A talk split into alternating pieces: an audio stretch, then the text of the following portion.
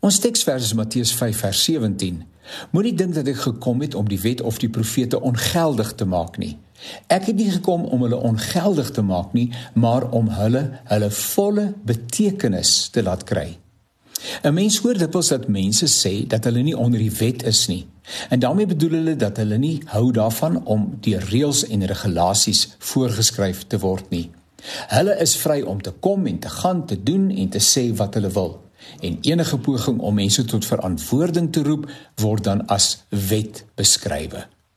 Dat daar sommige Ou Testamentiese wette is wat in 'n postmoderne tyd nie meer gehandhaaf word nie, is inderdaad so. Die wetenskap het in die mate ontwikkel dat ons antwoorde en oplossings het vir baie van destydse probleme en uitdagings. Baie sogenaamde wette was rigtingwysers wat op die koms van die seun van die mens gedui het. Dit is in Christus Jesus vervul.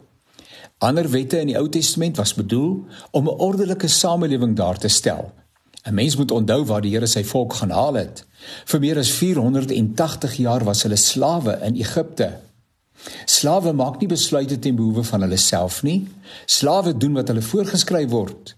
Slawe dink nie en droom nie. Slawe is niks anders as lewende masjiene nie. Na eeue van slawerny en die mentaliteit van slawerny wat daarmee gepaard gaan, roep die Here Moses om sy volk te bevry. Die geskiedenis is aangrypend en bekend. Uiteindelik word Farao beweeg om die volk van die Here te laat gaan en gee hulle hulle eerste tree om voluit die volk van die Here te wees. Maar dit het, het baie lank geneem om die volk uit Egipte te kry. En om Egipte uit die volk te kry is nog 'n groter uitdaging. Mens raak nie sommer net van 'n slawe mentaliteit vry nie. Jy moet voortdurend herinner word aan wat God vir jou gedoen het. Ten einde 'n volkslewe te konstateer, was dit belangrik dat sekere reëls in plek kom. Vandaar sommige van die Ou Testamentiese wette wat dikwels vir ons in 'n postmoderne konteks vreemd is. Maar terug by ons gedagte. Christene wat sê ons is nie onder die wet nie. Die stelling is waar, maar gekwalifiseerd waar. Die wet het in sy eksterne en as 'n eksterne opgawe van reëls na mense toe gekom. Mense wie se harte nie verander het nie. Vleeslike mense, onveranderde mense. So op daai manier hou niemand van reëls nie. Dit kom van buite af na jou toe. Daar is geen innerlike motivering om daarvolgens te lewe nie en daarom wil mense nie voorgeskryf of voorgesê word nie. Maar wanneer mense se harte verander, die Bybel sê die wet van God op mense se harte geskrywe word, is dit 'n ander storie. Om God te behaag is tog gelowiges se grondhouding. Die opsomming van die wet is dan nou juis om God in ons naaste lief te hê. Die wet het die belang van ons naaste op die hart.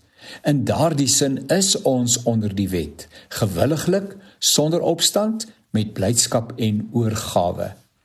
As die wet dan sê die liefde doen die naaste geen kwaad nie, dan vind Christene dit nie aanstootlik of moeilik om God gehoorsaam te wees nie.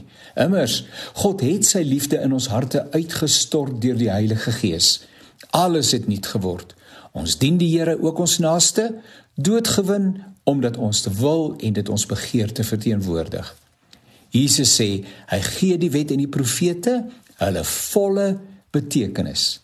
En as jy teen die wet gekant is steeds Besluit dan met verwysing na die 10 gebooie want dit is waarskynlik die wet wat onmiddellik by 'n mens opkom. Van watter een van die 10 gebooie sal jy wil ontslaa raak?